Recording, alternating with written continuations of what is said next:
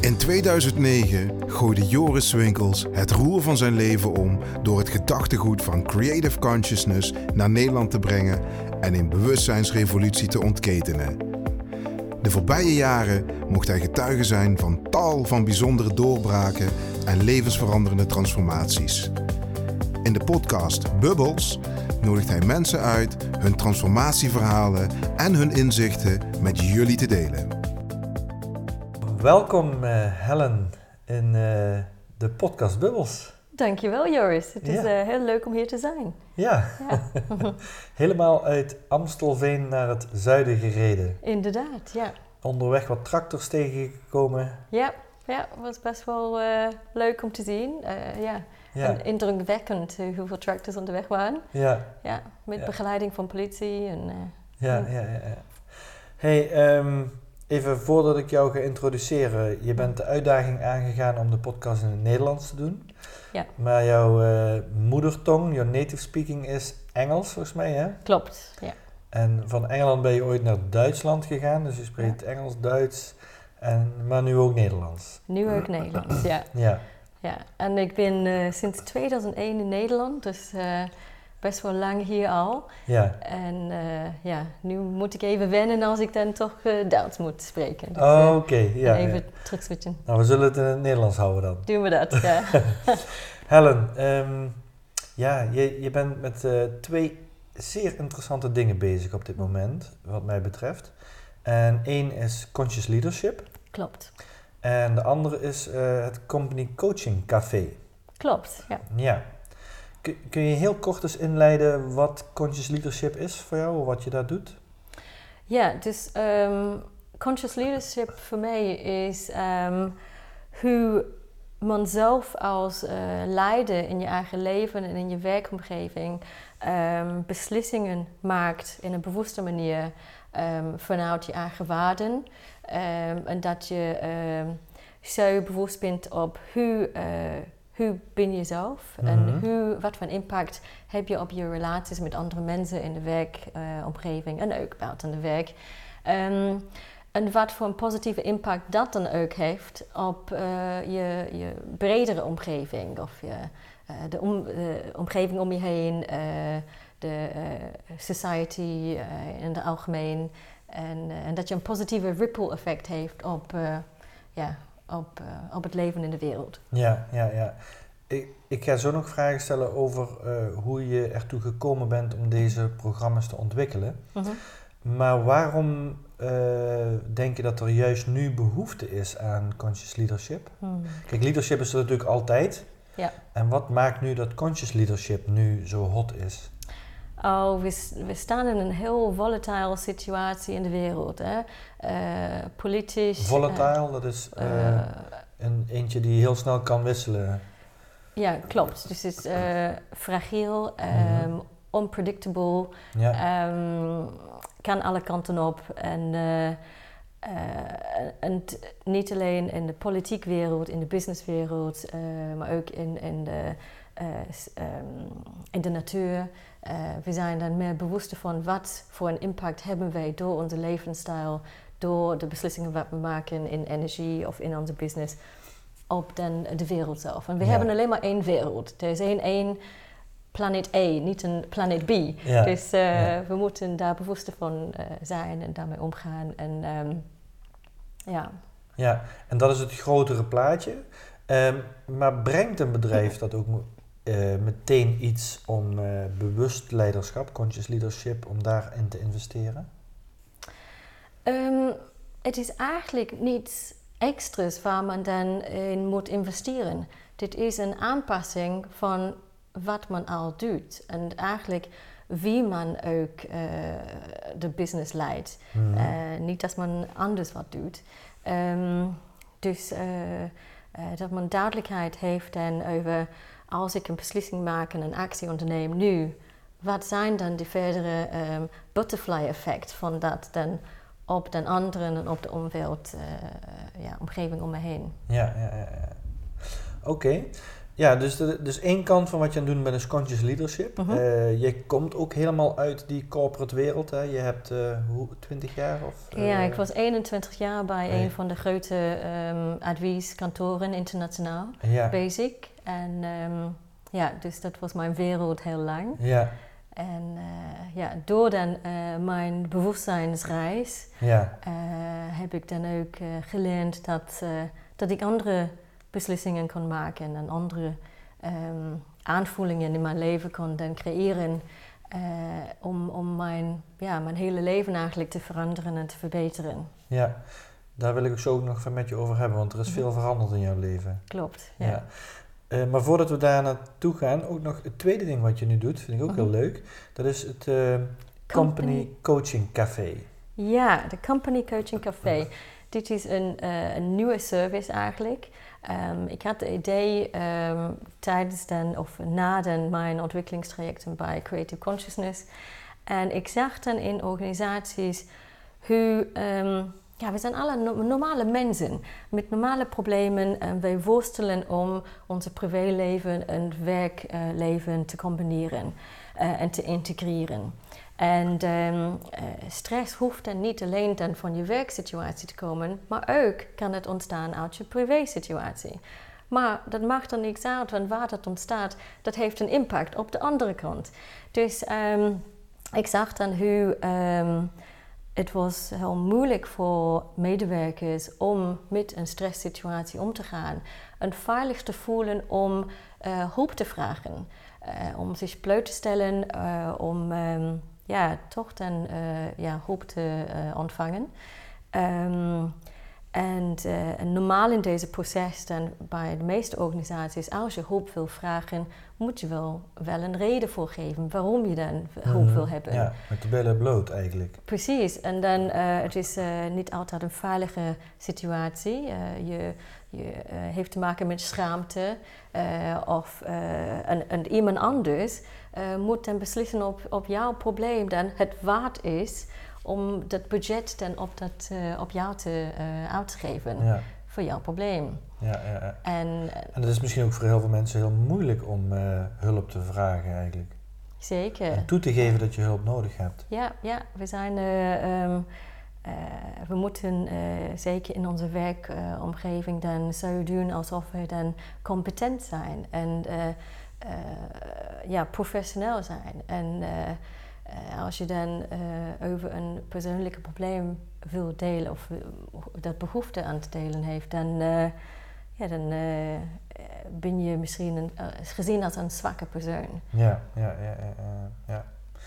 Dus dat is de Company Coaching Café. Ja, dus met de Company Coaching Café wat ik daar aanbied is een uh, korte 30 minuten shot van coaching. Mm -hmm. Om binnen een half uurtje um, goede handvatten te krijgen, zodat mensen dan toch dan een stap kunnen nemen in een eigen proces om, om ja, iets aan te doen aan hun situatie. Ja, ja. En dan ga je met meerdere coaches ga je naar een bedrijf toe. Daar is een Mhm. moment dan uh, wat het bedrijf dan kiest, hè, wat terug kan komen. Ja, dus dat, uh, dat werkt zo dat um, een bedrijf dan kiest dan voor bepaalde dagen of uh, beschikbaarheid van de coaches. En dan maken wij een online kalender voor dat bedrijf, zodat medewerkers weten via een link kunnen ze dan zichzelf inschrijven wanneer ze dan behoefte aan hebben voor een korte conversatie. En, um, en de, wij houden dan de persoonlijke informatie dan helemaal uh, ja, privé anoniem. Um, maar zo uh, geeft, uh, geven we dan de, de, organisatie en de medewerkers zelf dan de mogelijkheid Ja. om ja, de situatie Ja. te verbeteren. En de insteek is niet alleen maar om stress of issues op te lossen, maar Mhm. ook om mensen uh, in hun kracht te zetten om ook met nieuwe ideeën, ook met een boost daarin te gaan, toch? Absoluut, klopt. Het is Ja. eigenlijk een boost niet alleen voor well-being, maar ook engagement. Um, we weten allemaal dus de, de statistieken van uh, hoe, uh, hoeveel mensen dan in hun job dan niet engageerd zijn. Dus um, door deze proces, um, alleen door een conversatie te hebben, weten wij dan met mijn methode hoe, um, hoe je dan met je gedachten uh, uh, ja, beter een regie kunt over hebben, uh, zodat je ja, meer creatief kunt denken, in, inderdaad goed voorbereid bent voor een conversatie of voor een ontwikkeling of voor een eh, presentatie. Of ehm, eh, ja, inderdaad krijg je dan nieuwe perspectieven, zodat je creatiever met een oplossing kan komen Ja, voor, ja, in je werk. ja, ja. Mooi. Dus als ik het goed begrijp, is een stukje bewustzijn, coaching, eh, iets betekenen in de corporate wereld eh, met een groter plaatje, beginnend bij de mensen zelf. Dat is het gebied waar je in bezig bent. Zeker, ja. Terwijl waar je vandaan komt, eh, hè, is heel erg, ehm, ja, hoe, hoe, hoe, hoe zou ik die wereld noemen waar je vandaan kwam? Heel hard of zakelijk of...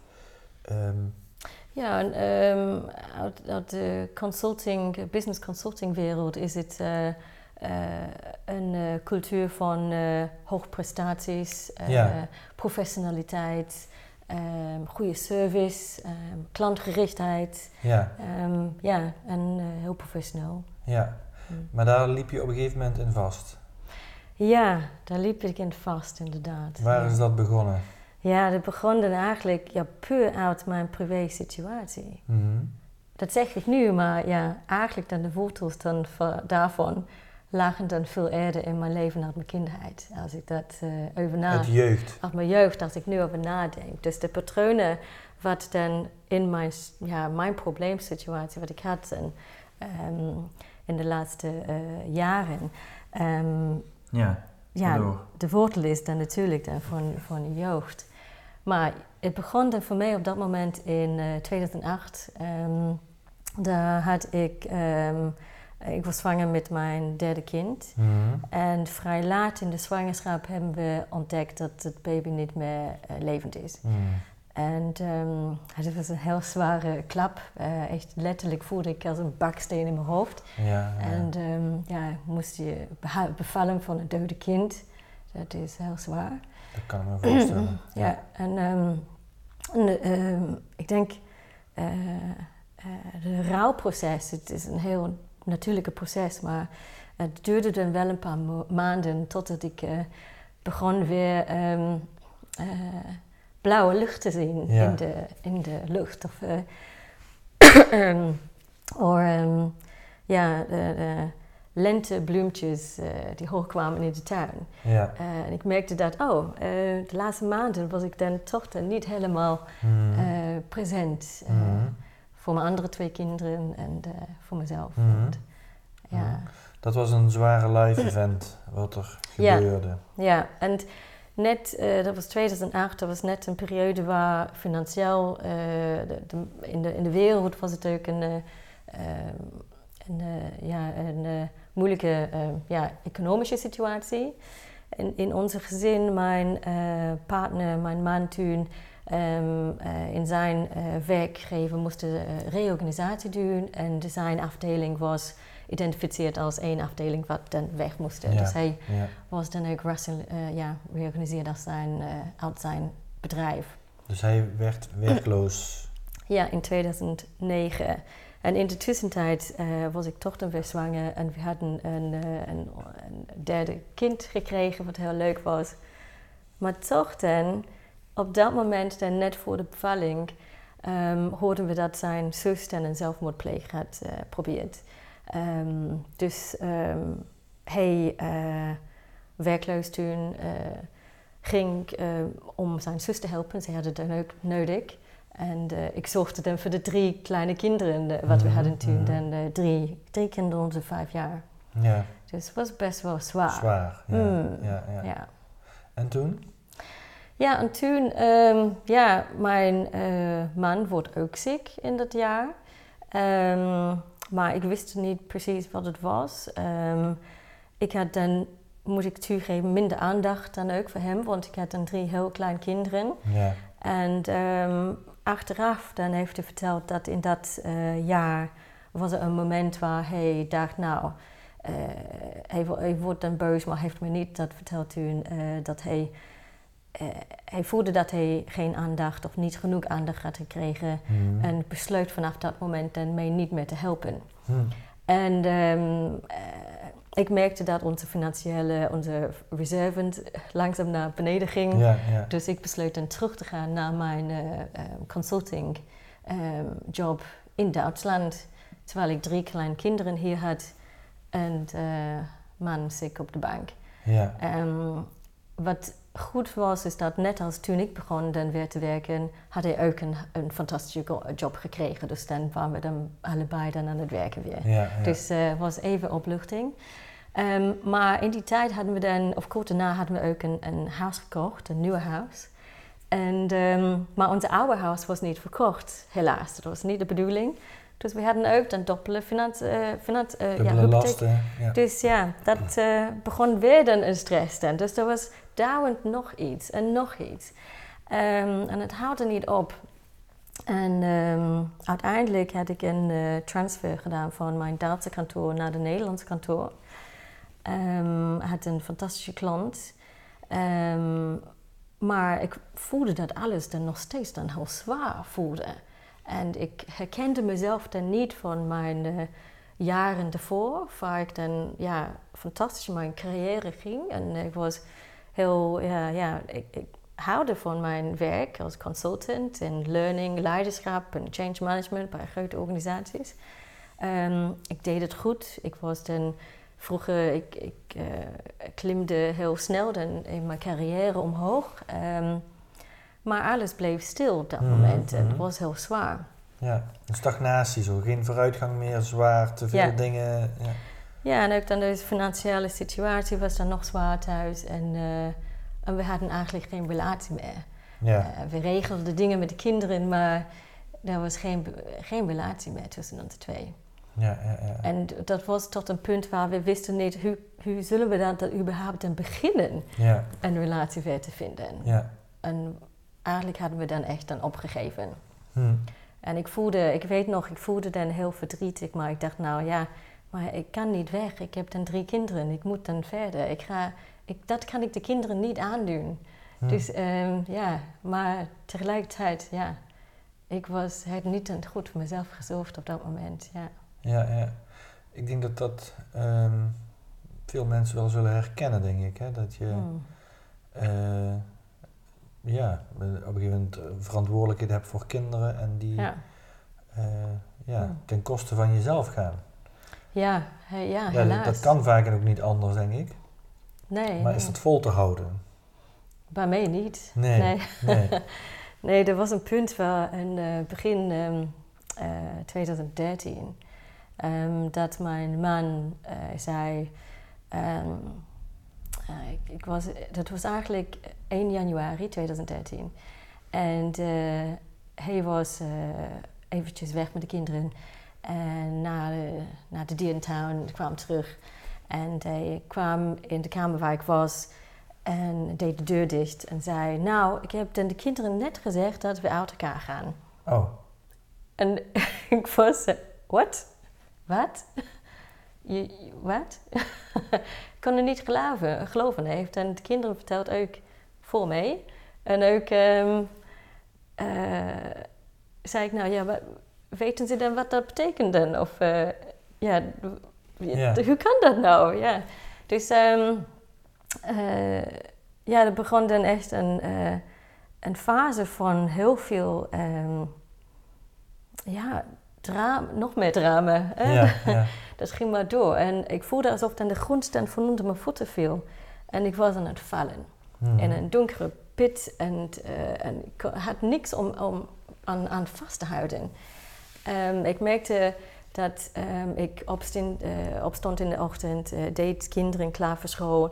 En dan reed ik door mijn, door mijn werk. Maar ik begon te huilen iedere dag. En ik had geen controle over mijn emoties.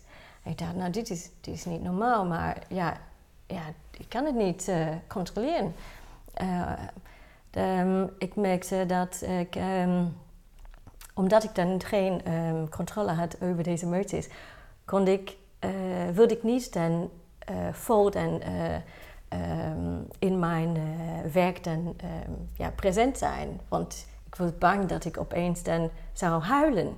Ehm, dus ik begon dan ook dan terug te trekken in mijn werk. Ja. Wat eigenlijk niet, dat kan niet als je dan een leidende functie heeft in een Nee. grote organisatie en je leidt een team bij een klant. Je moet dan betrouwbaar zijn, je moet dan daar kunnen present zijn. Ehm, dus ja, dat jaar eh, uiteindelijk eh, zijn we dan eh eh, uit elkaar verhuisd. Hij ging naar ons oude huis, wat we dan nog hadden. Gelukkig was het tegenover, dus het was makkelijk voor de kinderen. Maar ja, we, we moesten dan dingen regelen als we dan toch uit elkaar zullen gaan. En op één dag dan zullen we dan naar de hypotheek gaan om dan toch te kijken hoe gaat het met de hypotheek en wat kunnen we dan doen om één huis weg te verkopen of alle twee. En eh, hij kwam niet naar de afspraak. En ik had een rare gevoel dat iets niet goed was, want hij had zelf deze afspraak gemaakt. Eh, dus ik, ik ging meteen naar huis, eh, pakte de sleutel van het oude huis en ging naar ons oude huis en ging binnen. En ik heb hem daar gevonden met een hersenvliesontsteking. Mm. En ehm, dat was een heel rare situatie. Hij lag daar, eh, kon niks doen, hij kon niet praten, hij eh, was vies. Eh, hij had een, een kinderlijke leg, eh, laag op zijn gezicht. Hij herkende niet wat ik, wie ik was, dat we kinderen hadden. Hij, hij was echt een ja, vegetable eigenlijk. als je, ja. Mhm. Ik had snel de huisarts gebeld en ehm, meteen dan kwam de ambulance. Ze gingen hem naar de ziekenhuis en hebben, besef, ja, hebben hem eh, ja, gelukkig met alle soorten van antibiotica eh, gepropt. eh, met hoop dat iets dan zou aanslaan. En, en gelukkig dan hebben ze dan toch één gevonden wat deze bacteriën dan ook kon ja, helpen. Dus ehm, hij was dan ook binnen een paar, ja, 24 uur weer ehm, aanspreekbaar. Ehm, ja, maar hij, ja, dat was nog een shock. Zo. En in deze jaar eh, dacht ik, nou, hoe, hoe ga ik dit dan allemaal overleven? Ik moet dan kijken dat ik iets voor mezelf leuk doe. Dus ik had het idee ehm, dat ehm, ik vind eh, hiking heel leuk. Dus eh, ik had vroeger Machu Picchu gelopen. En binnen mijn bedrijf was er ook een, een expeditieteam. Dus ik dacht, nou leuk, ik ga dan een expeditie doen. Dit is voor mijzelf, Mhm. dit is goed lichamelijk, dan blijf ik dan ook fit. Eh, dus ik eh, begon dan ook te trainen voor Kilimanjaro. Maar toen dit gebeurde, eh, dacht ik, ik, ja, ik kreeg dan niet aan de energie van mijn sport. Ik voelde dat, dat ik verloor mijn energie de hele tijd. Dus tot het moment dat ik dacht, nou, ik, ik kan echt niet meer. Ik heb mijn eigen Kilimanjaro te lopen op dit moment. Dus ik, daar stopte ik dan mee. Ik moest het aan de huizen regelen. Ik moest verhuizen met mijn kinderen, eh, met de opa toen we hadden. En, ehm en probeer dan dingen op boel te krijgen. Mhm. Maar ik merkte nog steeds dat alles niet goed was bij mij. Dat ik, ehm, ja, maar ik wist niet wat het was toen. Ja, ja. En welk moment kwam je daarachter dat het, wat het was? Ja, dat was heel interessant. Ik, ik had een opdracht voor een klant eh, waar ik een eh, serie van webinars moest ontwikkelen ehm, voor hun learning managers globaal. En een van de topics was hoe kan onze inzichten van neuroscience eh, ons helpen om betere leeromgevingen te creëren in onze organisaties. En toen ik aan het recherchen was, merkte ik eh, wat symptomen eh, of een omschrijving van chronic stress. En toen dacht ik, jeetje, ik heb al deze symptomen. Ik heb chronic stress. Ja, En ook eh, post-traumatic stress disorder. ja, ja. ja. En ja, maar dat was eigenlijk het begin waar ik dacht, ehm, ja, nu ga ik dan echt een hulp zoeken. Ik ga dan, maar niet de conventionele hulp, dat, dat was niet, dat, dat, ik had daar niks aan. Dus ik ging naar, ehm, op zoek naar alle soorten inspiraties. Ik, ik studeerde neuroscience om echt te kijken wat gebeurt nu in mijn lichaam, in mijn hersenen. Want ik merkte dat ik niet goed kan concentreren. Eh, deze emotionele regeling was ook niet eh, ja, onder controle. Ehm, ik merkte ook dat, eh, interessant, ehm, ik, ja, ik begon ook toe te nemen. Ik had een andere soort vet in mijn lichaam, wat ik nooit eerder had herkend. Eh, ik merkte dat ehm, mijn beslissingen waren anders.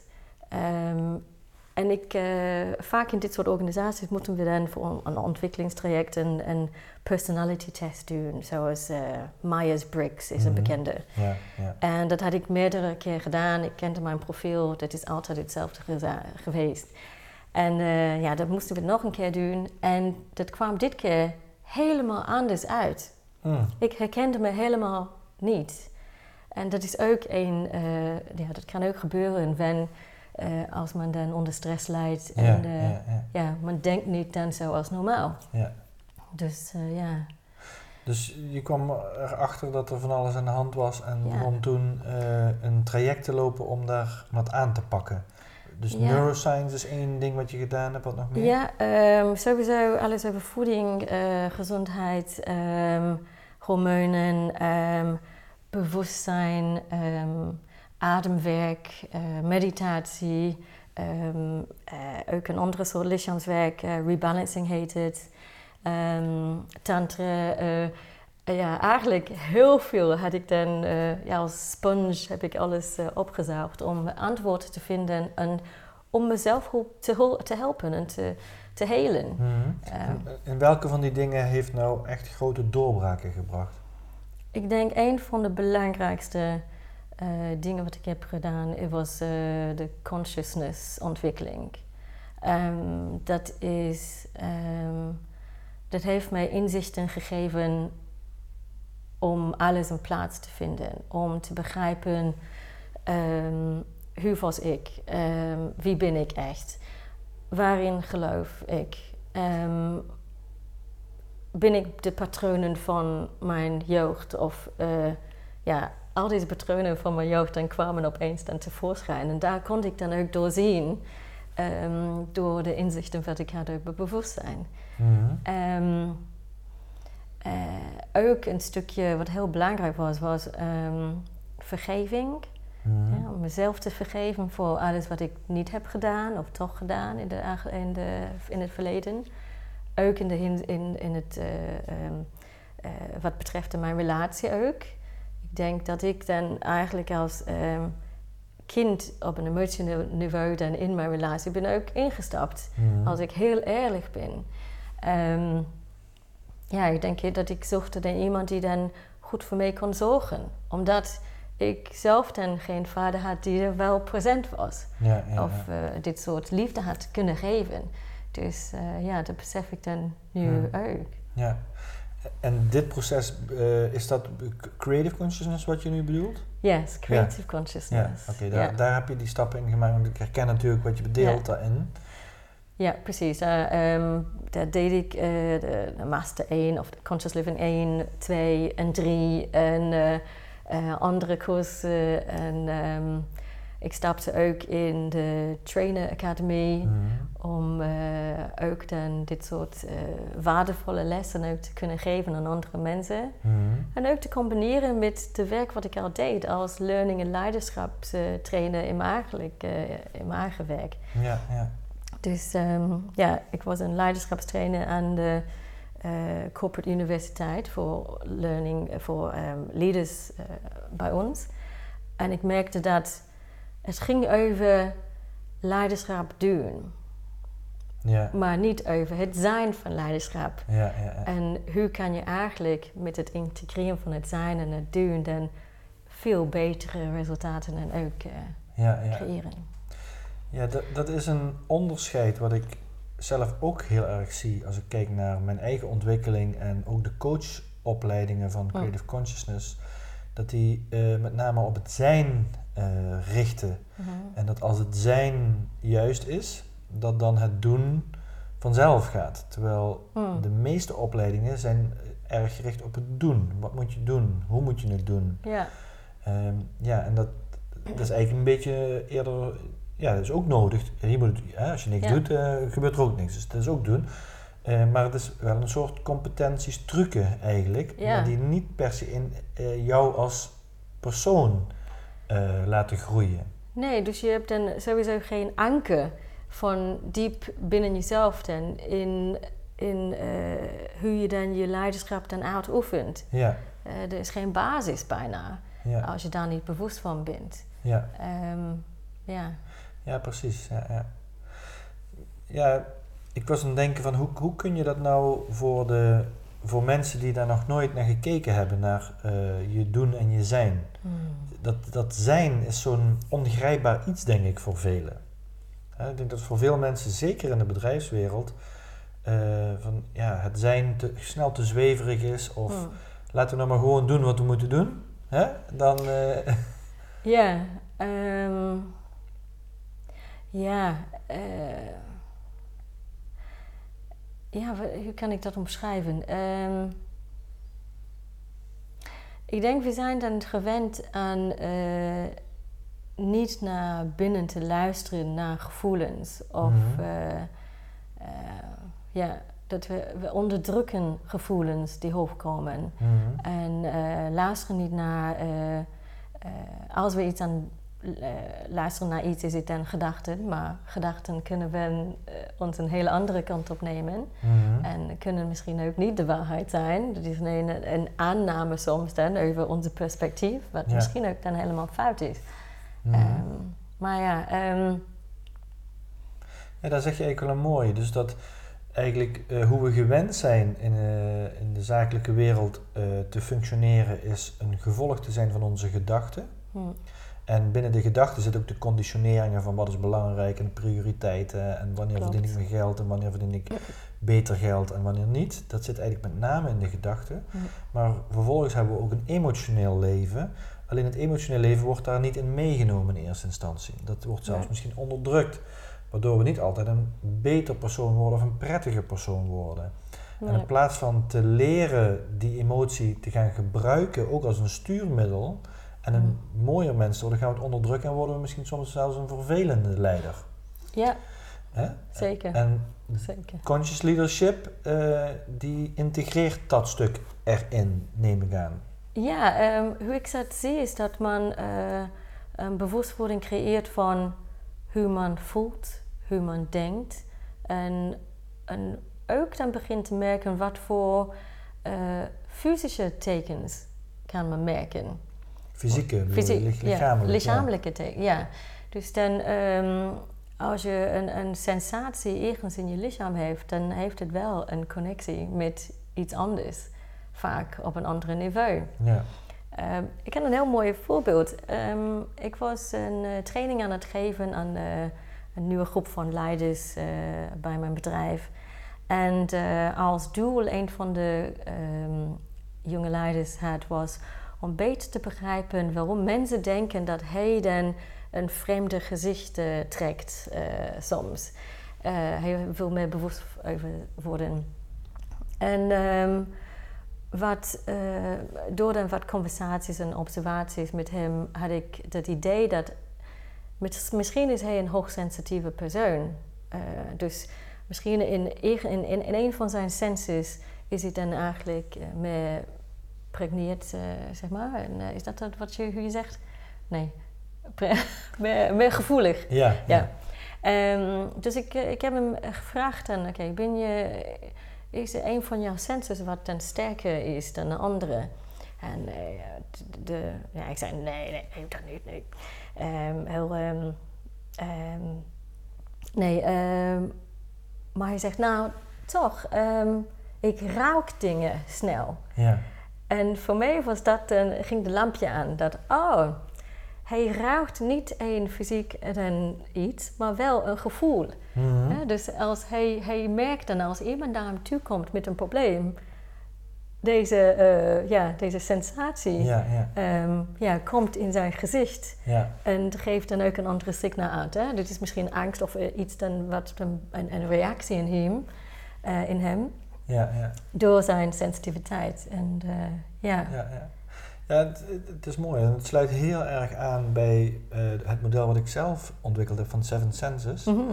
Dat is, ja, dat is eigenlijk mijn oplossing voor weer terug naar binnen gaan, weer gaan Ja. voelen. En om van binnen naar buiten te kunnen leiding geven, naar- van binnen naar buiten te kunnen leven. Ja. En op het moment dat je dat zelf kan, zelf voelt, dan kun je het ook zien in je team en in je mensen. Als Ja, ik niet precies. zelf idee heb, ben ik, ben ik echt het pad van mijn leven aan het lopen.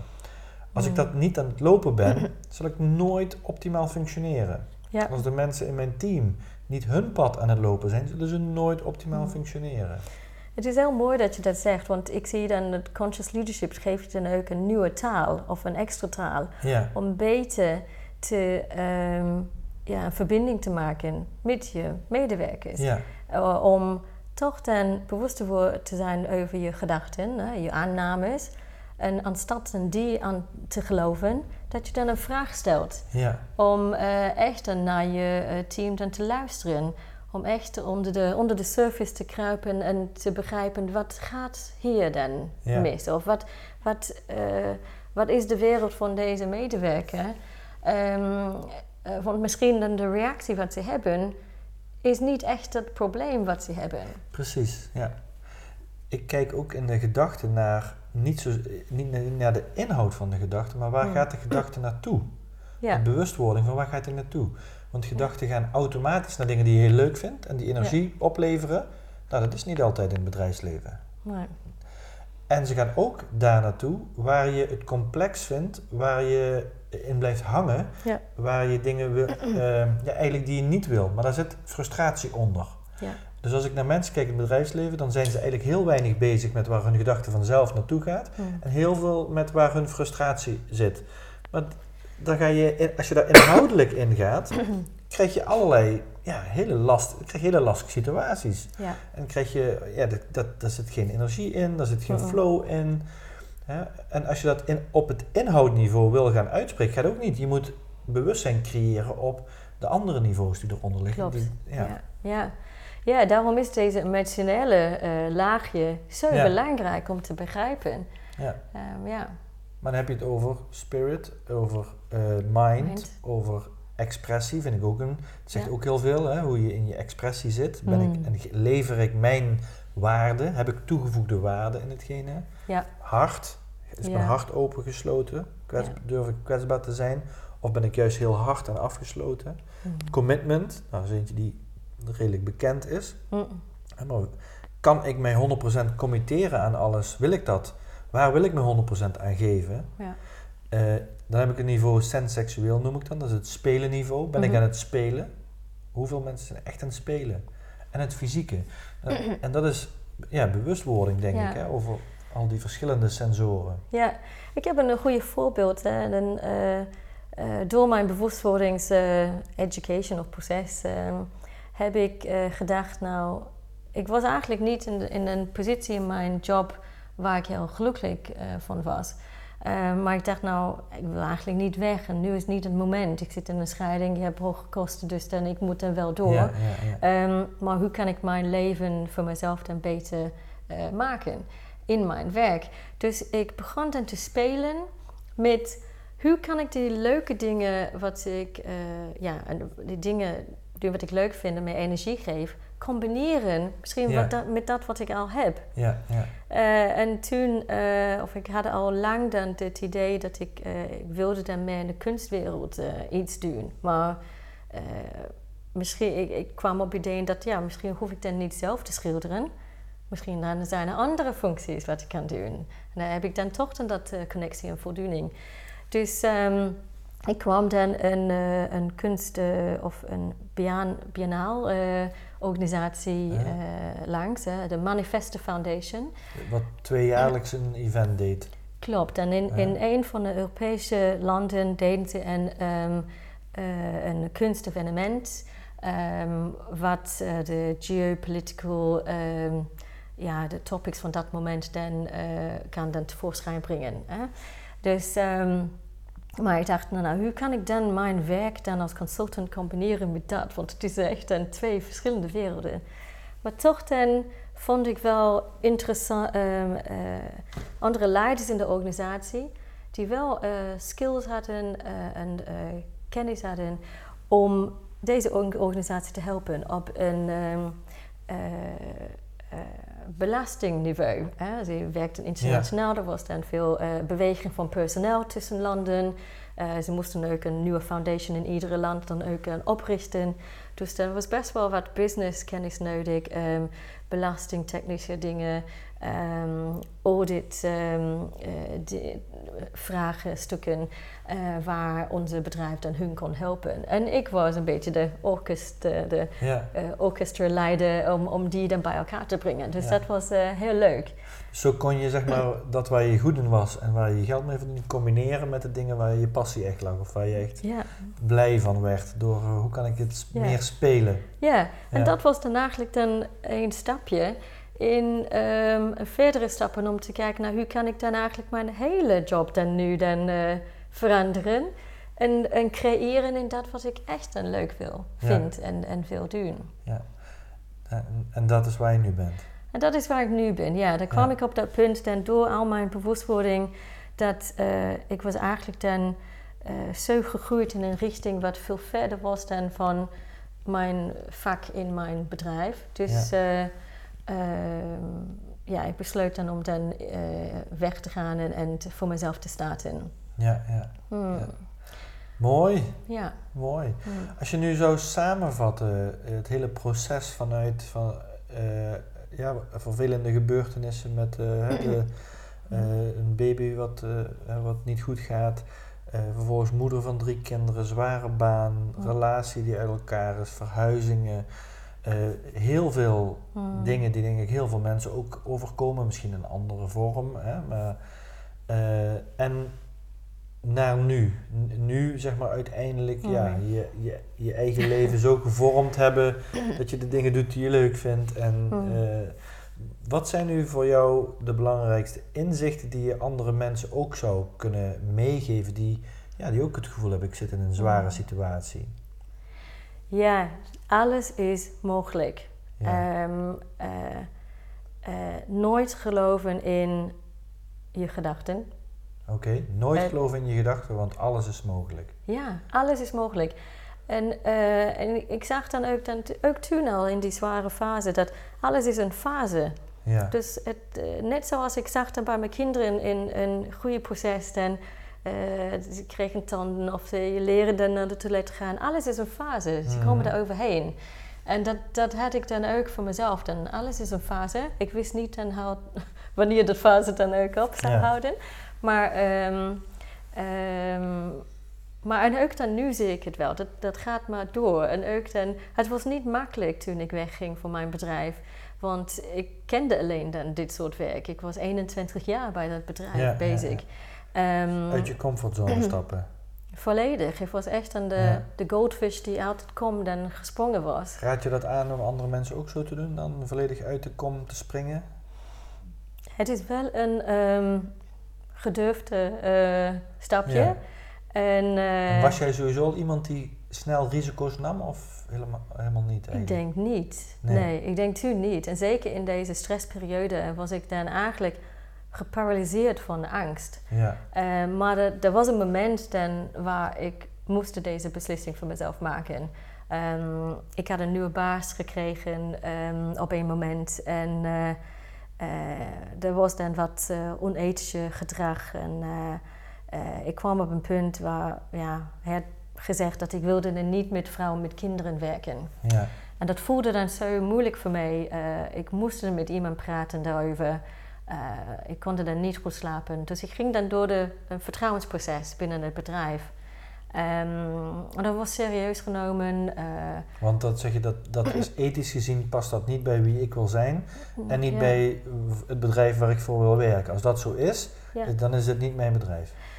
Um, ik, ik denk ik was naïef en ik had dat gedachte dat uh, ik wilde ook, ook voor andere mensen zorgen. Want ik was niet de enige persoon die wel onder dit soort situatie dan uh, geleid had. Um, dus ik, ik dacht dan, nou, we hebben een goede organisatie, we hebben goede waarden. We gaan iets doen en we gaan deze situatie oplossen. Maar uiteindelijk was dan een financiële uh, beslissing van de organisatie uh, om dan um, toch dan ja, ze, ja, bepaalde personen op een plek te laten zitten en dat uh, al die zeg maar, slachtoffers dan ook te verplaatsen. Um, Omdat het dat financiële beslissingen waren. Ja, dat is dan vanuit, ja, vanuit dan een financiële uh, risico uh, van hoeveel ja. geld zou hij misschien dan verliezen als hij dan mm. toch dan deze persoon niet op zijn positie had. Ehm, en er was geen rugzak voor, eh, geen aandacht voor ja, de, de, de ja, fysische, de, de mental well-being van de medewerkers in de organisatie. Ja, jammer is dat. dus ik dacht nou, voor, voor leiders, ik kan dan niet, deze waarden van de organisatie, van deze leiders zijn, komen niet overeen met die van mij nu. Dus uh, dat was de reden. Is dat dan ook een ander inzicht? Van, ja, committeer je alleen maar aan organisaties die staan voor dezelfde waarden? Ik denk dat is een heel belangrijke beslissing ja. uh, en, voor mensen. En, en ook dan voor het bedrijf. Ze willen ook mensen hebben die achter hun visie staan. En ja. dat is ook ja, dat is het beste beslissing wat je kunt maken als je dan op zoek bent naar een nieuwe baan. Ja, ja. Kijk naar de visie en de waarden van de organisatie en of die dan bij mhm. jezelf past. Luister naar je hart. Ja, precies, ja. Nog andere inzichten die je mensen zou willen meegeven? Dus we hebben luister naar je hart, sta voor je mhm. waarden, alles is een fase. Geloof niet alleen in je gedachten, want alles mhm. is mogelijk. Breek door je angst. Breek door je angst. Oh, dat is een zware, zware reis. Dus nadat ik wegging van mijn bedrijf, uh, uh, ik was wel een beetje burnt out, moet ik zeggen. Dus ik had uh, wel wat tijd nodig om te oriënteren en toch dan iets te doen wat ik wilde doen. Maar ik was dan financieel verantwoordelijk voor mijn drie kinderen en dat een huis. Dus ik moest dan wel iets doen. Dus um, ja, ik had deze probleem met, ja, kan ik dan wel iets verdienen met dat wat ik wil doen? uh, tegenover dat wat ik kan doen, zeg maar. Of mijn oude patroon, mijn oude werk. Um, dus dat was even zoeken. En um, totdat ik dacht, nee, dat, ik, ik, maak, uh, ik moet een beslissing maken. Ik, uh, want ik, ik verlier dan te veel energie als ik toch dan voor bedrijven werk waar hoe ze dan met medewerkers omgaan, dan toch niet een, ja, uh, hoe ik zou, dat zou doen. Nee, Uh, met, met liefde, met compassie, met luisteren, met uh, collaboratie, um, met bewustzijn. Dus dat was dan heel sterk maar bij mij toen. Dus um, ja, dus ik, ik had wel wat zware maanden en financieel. Maar toch ja, was het wel de moeite waard. En, en nu dat ik volledig daarin een commitment geef, dan merk ik dat alles begint dan nu te lopen, gelukkig. Dus ja, ja. Mm, ben ik dus mee. heb geloof dat als je je volledige commitment geeft aan je eigen pad, dat het dan begint te lopen. Zeker, nou, dat zeker. vind ik een hele mooie. Mm. Ik heb drie afsluitende bubbelsvragen in elke bubbels. Mm -hmm. uh, de eerste vraag die gaat over het leven in een bubbel. Uh, ik, ik ben, heb de overtuiging dat wij in een soort bubbels leven waarin we de, bubbel zien als een realiteit. Mhm. Maar dat er door uh, bepaalde gebeurtenissen in het leven, of door bewustwording, of door iets, iemand of iets een naald prikt in die bubbel en pang, dat de bubbel springt. En dat we in een hele andere, dat de realiteit er gewoon heel anders uitziet. Hmm. Dus heb jij een bubbel die je ziet in jouw leven die een keer gesprongen is? Dat je erachter kwam, hé, hey, het, het is heel anders dan ik het altijd gezien heb? Oh, heel veel, denk ik. Ja, wat is de grootste bubbel? Oh, misschien dat uh, wat, wat als eerste dan uh, omhoog komt, is dan de relatie. Een, een liefdevolle relatie um, ja, met een partner, een familie. Uh, we groeien op met deze idee dat alles dan is een Disney-plaatje. En, um, maar is het toch niet altijd zo. En de, de, bubbel van het sprookje waar wij als tweejarigen al van te horen krijgen, de prins en de prinses op het witte paard. Ja, en een leuke uh, familie. Leven lang en, en gelukkig. En ja, die bubbel, die, ja, hmm. dat het een ander proces is als je naar het leven kijkt. Of dat het niet zo vanzelfsprekend is. Of dat het dat ook dan uh, werk uh, op jezelf en op ook je relatie dan ook betekent. En, en ook het weten wanneer je wanneer moet je dan ook dan de, trekken uit, de, de stekker uit trekken? Misschien. Want wanneer moet je dat doen? Als je, uh, denk ik, ook helemaal niet gerespecteerd wordt. Uh, of of een, een, je duwt dan alles aan om dingen te veranderen. Maar dat werkt dan niet. ja. En dat je merkt dat je fysiek en je, je hele well-being dan ook onderuit gaat. Dus als je fysieke well-being eh, En mentaal. onderuit gaat of mentale emotioneel, ja. Dat zijn signalen dat je, Ja, dat, dat iets moet wel veranderen, ja. ja, Hmm. ja, heel helder eigenlijk. Eigenlijk heel helder, toch? Jawel, vind ik. Ja, Ja. inmiddels. Hey, de tweede die gaat over bubbly energy. Over het Mm. hoog houden van je energie. Ten opzichte van op de bank willen liggen omdat je alleen nog maar kan rusten, wat je in een burn-out bijvoorbeeld hebt. Hè? Ja.